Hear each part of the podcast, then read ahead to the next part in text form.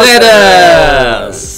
Ketemu lagi bareng kita berdua di dalam acara Ngobrol santai. ngobrol santai seputar Forex forex. dan gold. Oke, ketemu lagi bareng saya Swendi. Saya McLeody. Oke, kita akan bahas apa yang lagi eh, menjadi topik ya di market forex and gold ini. Kali ini kita akan bahas tentang Inflasi, inflasi global tentunya ya, Bro. Yeah. Kita lihat bahwa inflasi ini eh, dalam taruhlah udah kita kan sekarang udah masukin ke kuartal kedua ya. Kayaknya hampir semua negara di dunia mengalami lonjakan inflasi. Benar? Kenaikan inflasi, ya. Kenaikan inflasi.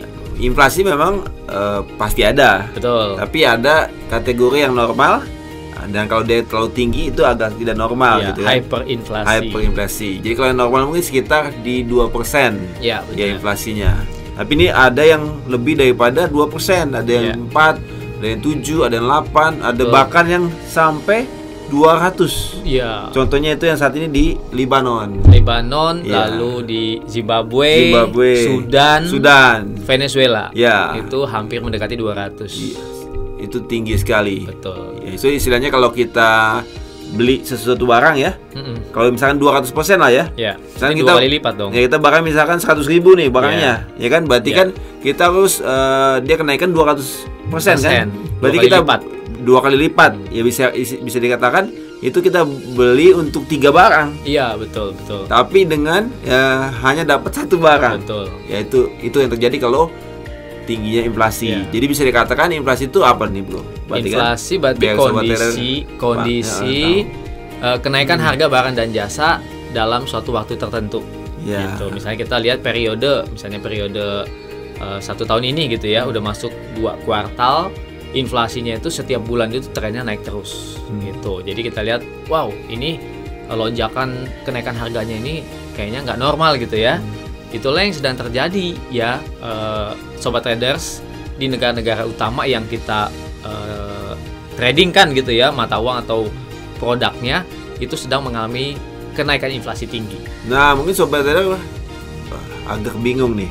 Oh, Oke. kenapa sih harga-harga tuh bisa naik ya? Oke. Ah. Eh, eh, sebelumnya kita belum suruh subscribe dulu. Oh iya, oke, oke, jangan Sebelum lupa. lanjut, jangan lupa subscribe dulu dong ya. Subscribe. YouTube channel Forex Pro dan aktifkan Loncengnya. ya supaya kalian bisa dapetin notif kalau ada video-video yang terbaru. Oke. Oke. Lanjut lagi bro. Lanjut lagi. Jadi Tadi kenapa gimana? inflasi itu naik Hmm. bro? Ya kan? Mungkin sobat trader kan ada yang belum paham nih. Ya. Kenapa inflasi itu naik? Ya gitu. Ya inflasi Penyebabnya naik. apalah gitu kan? Ya, inflasi itu kan kondisi kenaikan harga barang dan jasa. Nah, kalau kita bicara sekarang aja ya, Ya. Di 2022 ini memang harga-harga barang lagi naik kan? Misalnya naik. contoh kayak eh, kenaikan harga bahan pokok. Kita lihat aja Indonesia aja cabai naik tuh, ya kan? Terus tapi kita bicara dunia aja lah ya. Misalnya bahan bakar naik. Lihat tuh di Amerika ya, itu harga bensin sekarang nih di era Biden ini lebih tinggi daripada sebelum-sebelumnya. Naik ya misalnya kalau mereka per galon ya, Iya. Itu sekarang berapa dolar gitu per galon. Artinya uh naik, beda banget dengan uh, beberapa tahun yang lalu gitu. Ya kurang lebih kalau dirupiahkan saat ini sekitar 20.000 ribu lah 20.000 per liter. per liter ya. Wah gitu, itu bro. uh, lumayan ya. lumayan. Di Indonesia Iya. aja belum belum belum pakai my pertalite aja udah banyak yang Iya, tapi ya. tapi memang kebijakan Indonesia sih bagus juga, Bro. Bagus. Itu ada namanya subsidi Ya. sehingga itu eh, untuk apa namanya? pembelian eh, bahan bakar itu sesuai misalkan dengan sasaran. Iya masih eh, terjaga Ya, ya, iya, sehingga betul. itu tidak mendorong kenaikan juga harga barang Ya. dan jasa. Jadi kan inflasi Indonesia masih terjaga, Terjaga, sekitar 4 4%. Iya, Ya. jadi masih aman. Kalau kita lihat yang kita biasa trading kan di forex kan, Oke. itu kan ada negara Amerika, itu Ya. kan inflasinya lumayan. 8,6 8,6 persen. Kemudian ada UK, eh, UK, Inggris. UK itu di 7, 9 bro. ya 9,1. Oh, 9,1 Iya. Oke itu ada nama Jepang tuh Jepang di 2,5 kalau memang Jepang sih agak eh, rendah ya Ya, Jepang rendah. agak rendah karena mungkin dia lebih banyak ekspornya ya Ya betul. daripada importnya ya Lalu kawasan Eropa, Euro area Hmm. 8,6 persen. iya jadi jadi itu kenapa demikian karena memang mungkin karena kenaikan harga minyak tuh Ya, Pengaruh sekali. minyak, Pengaruh sekali. Apalagi kayak di eh, setelah pecahnya perang Rusia Ukraina, Bro. Sejak 24 Februari 2022 ini Iya. kan mengganggu banget kekhawatiran pasokan eh, suplai minyak dan gas dari Rusia gitu. Iya. Apalagi Eropa itu eh, benar-benar tergantung dari suplai minyak dan gas dari Rusia. Iya. Dan juga Oh. termasuk kan inflasi di bahan pangan. Ya benar. Gandum karena kan Gandum. su- Iya, mereka kan- ik- eh, Rusia Ukraina itu ya Iya. ladang gandumnya Eropa dan dunia juga ya. Iya.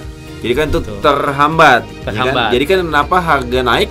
Ya karena memang su misalkan demand tetap ada, Iya. bahkan cenderung Pasokan bertambah. tapi Tapi terhambat pasokannya, gitu. Ah, suplainya itu supply. eh, terhambat atau berkurang. distribusinya ya, Nah, itu mendorong terhambat. harga naik. Betul, ya, kan betul. gitu ya.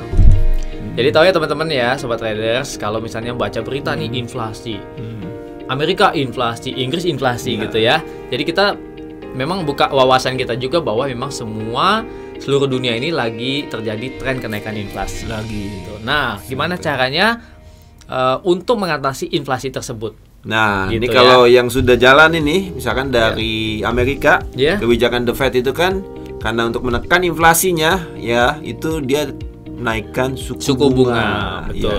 Jadi di tahun ini aja dia sudah naikkan berapa kali ya? Udah tiga kali ya, kalau salah ya dari Maret Iya. ya, Maret terus Mei Juni ya, Iya. Jadi sekarang di satu poin 75 poin 75 persen. persen Bahkan rencana sampai akhir tahun masih ada kenaikan suku bunga untuk sampai target mungkin di tiga tiga tiga koma sekian 3,25 tahun. persen. Iya. Iya. Nah itu itu untuk menekan inflasi. Mungkin negara-negara lain juga akan ikut bro ya. Ikut ikut Ya ikut itu trennya Nah, yang cenderung nggak memang kalau untuk menekan inflasi Mm-mm. itu kebijakan bank sentral ya masing-masing negara itu cenderung untuk eh, menaikkan suku bunga. Nah itu dampaknya kenapa bisa gitu bro? dampaknya Iya. nanti memang eh, jangka pendeknya memang diharapkan supaya menekan inflasi ya kan? Dengan eh, kenaikan suku bunga ini kan berarti naik juga nanti biaya peminjaman gitu ya. Hmm. maksudnya bunga untuk orang yang eh, meminjamkan kepada perbankan kan nanti naik juga. Berarti mereka yang tadinya misalnya mau invest, mau minjem buat modal, mungkin mikir kan, waduh kondisi kayak begini, terus ya bunganya naik ya, mungkin nanti akan ada eh, ya uang nanti berkurang juga ya, sehingga Atau lebih tepatnya gini bro, jadi eh, karena suku bunga naik maka orang akan lebih cenderung eh, menaruh menahan, menahan, menahan, menahan dan untuk menaruh produksi. dananya di bank ya Iya. jadinya uang beredar itu Berkurang. semakin berkurang nah kalau uang beredar berkurang itu cenderung mendorong nilai eh, mata uang itu menguat, Menguat, Nah, betul, jadi betul. inflasi pun akan cenderung terdorong eh, Turun, turun iya. ya karena kan antara eh, nilai uang dengan nilai barang atau jasa Iya. kalau nilai uang bertambah maka itu mendorong akan harga ya jadi mendorong turun harga ya. turun Betul. Gitu. Jadi upaya yang dilakukan oleh bank sentral dunia adalah menaikkan suku bunga. Ya, itu kecenderungannya Betul. ya. Tapi kan nggak semua bank sentral dunia menaikkan suku bunga. Contohnya Jepang masih adem ayo. Masih di minus 0,1 persen. Ya, ada lagi yang minus. Iya. Eh, Bank Sentral Swiss, Swiss. tapi udah naik kemarin bulan naikin, lalu udah iya. naikin 0,75. Iya. Berarti tinggal nunggu BOJ yang belum naikin suku bunga. BOJ. Dia tetap mempertahankan Kebijakan, Kebijakan. yang eh, longgar. ya dan melemahkan akan mata, Mata uang uangnya yen, ya. yen. untuk mendongkrak akan Ekspor. Ekspor. Jadi Karena bahan memang- ekspornya memang Jepang dari dulu itu Jepang dunia, itu hmm, negara eksportir. eksportir. Benar, Iya. benar. Supaya apa tuh ekspor? Kenapa dia Supaya harus mereka ini kan bersaing dia bersaing. di pasar global tuh mereka produk-produk Jepang tuh tetap bersaing harganya gitu. harganya dikatakan lebih murah. Lebih murah. Ya, karena kan kalau dia eh, nilai mata uangnya itu eh, tetap lemah, maka nilai ekspornya barang ekspor itu lebih murah. Iya. Sehingga banyak yang beli. Banyak yang beli Ya. produk Jepang. Sama lah halnya kalau kita murah ada barang murah beli dong, Iya, ya kan? Apalagi diskon. diskon. Kok kompak ya? Berarti suka suka cari barang diskon. Iya, itu itu yang oke, dilakukan oke. oleh eh, pemerintahan Jepang Oke. dengan mempertahankan kebijakan mata uang yang lemah, bro. Nah ngomongin suku bunga, Iya. kita kalau nggak salah nih di episode yang lalu kita udah bahas ya Iya. tren kenaikan suku bunga kalau nggak salah yang trader kudu piye. Iya. Bisa lihat eh, tonton videonya ya eh, di link ya yang ada Iya. di bawah. Jangan lewatkan. Iya. Silakan ditonton. ya. Jadi kita bahas lagi, barangkali ada yang belum nonton. Nah, maksudnya kita mau ingetin teman-teman traders ya bahwa tren kenaikan suku bunga ini masih akan berlanjut. Berlanjut. Dampaknya gimana kepada mata uang nih? Nah, cenderung kalau eh, naikkan suku bunga tadi kan sempat disinggung juga. Iya. Itu cenderung mendorong penguatan mata, Mata uang. uang, Ya, jadi kita bisa lihat di sini ya apalagi yang saat ini jelas ya. Dolar. The Fed akan rencana menaikkan suku bunga kembali bahkan sampai tahun depan. Betul. Jadi cenderung dolar strong. Ya. jadi- Terus kalau yang paling jelas lagi lawannya yang paling lemah Yen. karena Kompak kita. karena pemerintah Jepang Melemahkan mata uangnya mata uangnya. lemah. Wah, Iya. jadi jelas-jelas USD Japanese yen strong. Nah, pada Ya, episode bullish yang waktu itu Ya. ya kita udah sarankan uh, buy USD JP, JPY. Waktu itu USD JPY-nya masih kalau nggak salah 135. Iya. Sekarang Yang di video sebelumnya ya. ya, Iya. sekarang nih Bro, Iya. pada hari ini kita bikin ngobrol-ngobrol ini USD JPY sudah 137. 137. Nah, udah naik 200 pip. 200 ya pip, kan? Ini iya. bak- bakal naik lagi nih. Yes, 200 pip ya kalau Nah. trade di 0,1 lot berarti sekitar Ya, ya. Ya sekitar 200 200 dolar. Itu diem aja tuh. Iya. Gimana kalau misalnya trade-nya satu lot Iya, kan? berarti 2000 2000 dolar sekitar Iya, 2000 sekitar dolar. segitu ya karena ada perbedaan perhitungan Iya. tipsnya. Tapi ini jangan di ibaratnya jangan didiemin aja nih Iya. informasi kita Iya, ya. ini masih tetap peluang. peluang Karena peluang jelas masih arahnya cenderung naik, naik untuk, dolar.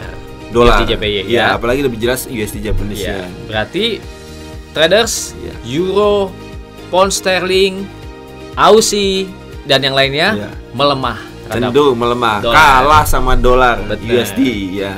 Kalau ada yang punya posisi misalnya buy-nya cukup tinggi dari harga sekarang, mohon diperhatikan ya, Ya. ketahanan dana Anda atau eh, perhatikan tren ke depannya. Jangan sayang misalnya, oh entah mungkin baik lagi ya kita lihat fundamental yang sekarang aja ya bro. Ya. Kita nggak ngasih signal nih, tapi Ya. kita cuman kasih saran. Baiknya tahan posisi hold buy dolar bukan Ya. sell dolar, Tuh. gitu ya. Tapi untuk detailnya memang akan di- kita diskusikan di grup Telegram Forex Forex Impro Impro. Premium. Iya, jadi jangan lewatkan kalau mau diskusi lagi, lebih detail lagi, Hmm. Join. join, aja. Iya. Linknya ada di bawah deskripsi. ini. Oke. Satu lagi kita udah ngobrol forex, sekarang kita bahas gold lagi. Oke, Ya. gold. Kalau berarti gold strong dollar cenderung mana berarti bro? Bearish. Bearish jelas banget. Waktu itu yang uh, episode yang lalu gold masih di atas 1800. 1900. Sekarang sekarang di 1740. peluangnya berarti berapa tuh bro kalau diambil Waktu yang itu lalu? ya Hmm. 600 pip kalau dari 1800 ke 1740 ya kan? 600 pips. 600 pips. Berarti kalau trade 0,1 lot 600 dolar. 600 dolar. Kalau trade satu lot 6000 6.000 dolar. Wow, luar biasa. Kalau misalnya trade-nya misalnya eh, turun liquid, Hmm. ntar cari posisi buy eh, saya lagi mungkin udah lebih dari Lebih, itu lebih. gitu ya. Nah, sekarang masih ada peluang nggak nih? Udah turun ke 1740 masih ada peluang nggak? Masih. Masih, Karena tentunya. cenderung bearish. Jadi sobat traders ya untuk yang eh, trader gold siap-siap aja kalau misalnya gold naik nih misalnya sobat trader pakai Fibonacci ya untuk cari retracement siap-siap untuk cari entry posisi sell yang bagus. Ya, Gitu. jadi jual di harga paling tinggi, mahal, atau lebih Yes. tinggi. Oke sobat traders itu clue dari kita berdua ya. Ya. Semoga kalian bisa manfaatin ya eh, dampak daripada kebijakan-kebijakan bank sentral ini terhadap eh, posisi trading sobat traders. Oke bro, Oke. kayaknya udah cukup dulu Cukup ngobrol dulu. santai kita. Oke. Tapi kalau teman-teman ada yang mau nanya atau mau diskusi sama kita boleh nggak? Boleh dong. Langsung aja. Boleh. Boleh Langsung juga aja. ketik di kolom komentar. Ketik di kolom komentar. Kalau ada Oke. pertanyaan atau ada topik yang mau dibahas, Mm. silakan aja jangan sungkan di Oke. kolom komentar. Kalau yang mau berdiskusi intens untuk eh, signal juga bagaimana trading harian, join aja di Forex Impro Premium. Premium. Ya, nanti bisa cari linknya di bawah ya. Oke. Oke deh, sampai ketemu lagi Yes. pada acara ngobrol santai, berikutnya. Trade by yourself. And safe trading. Salam profit.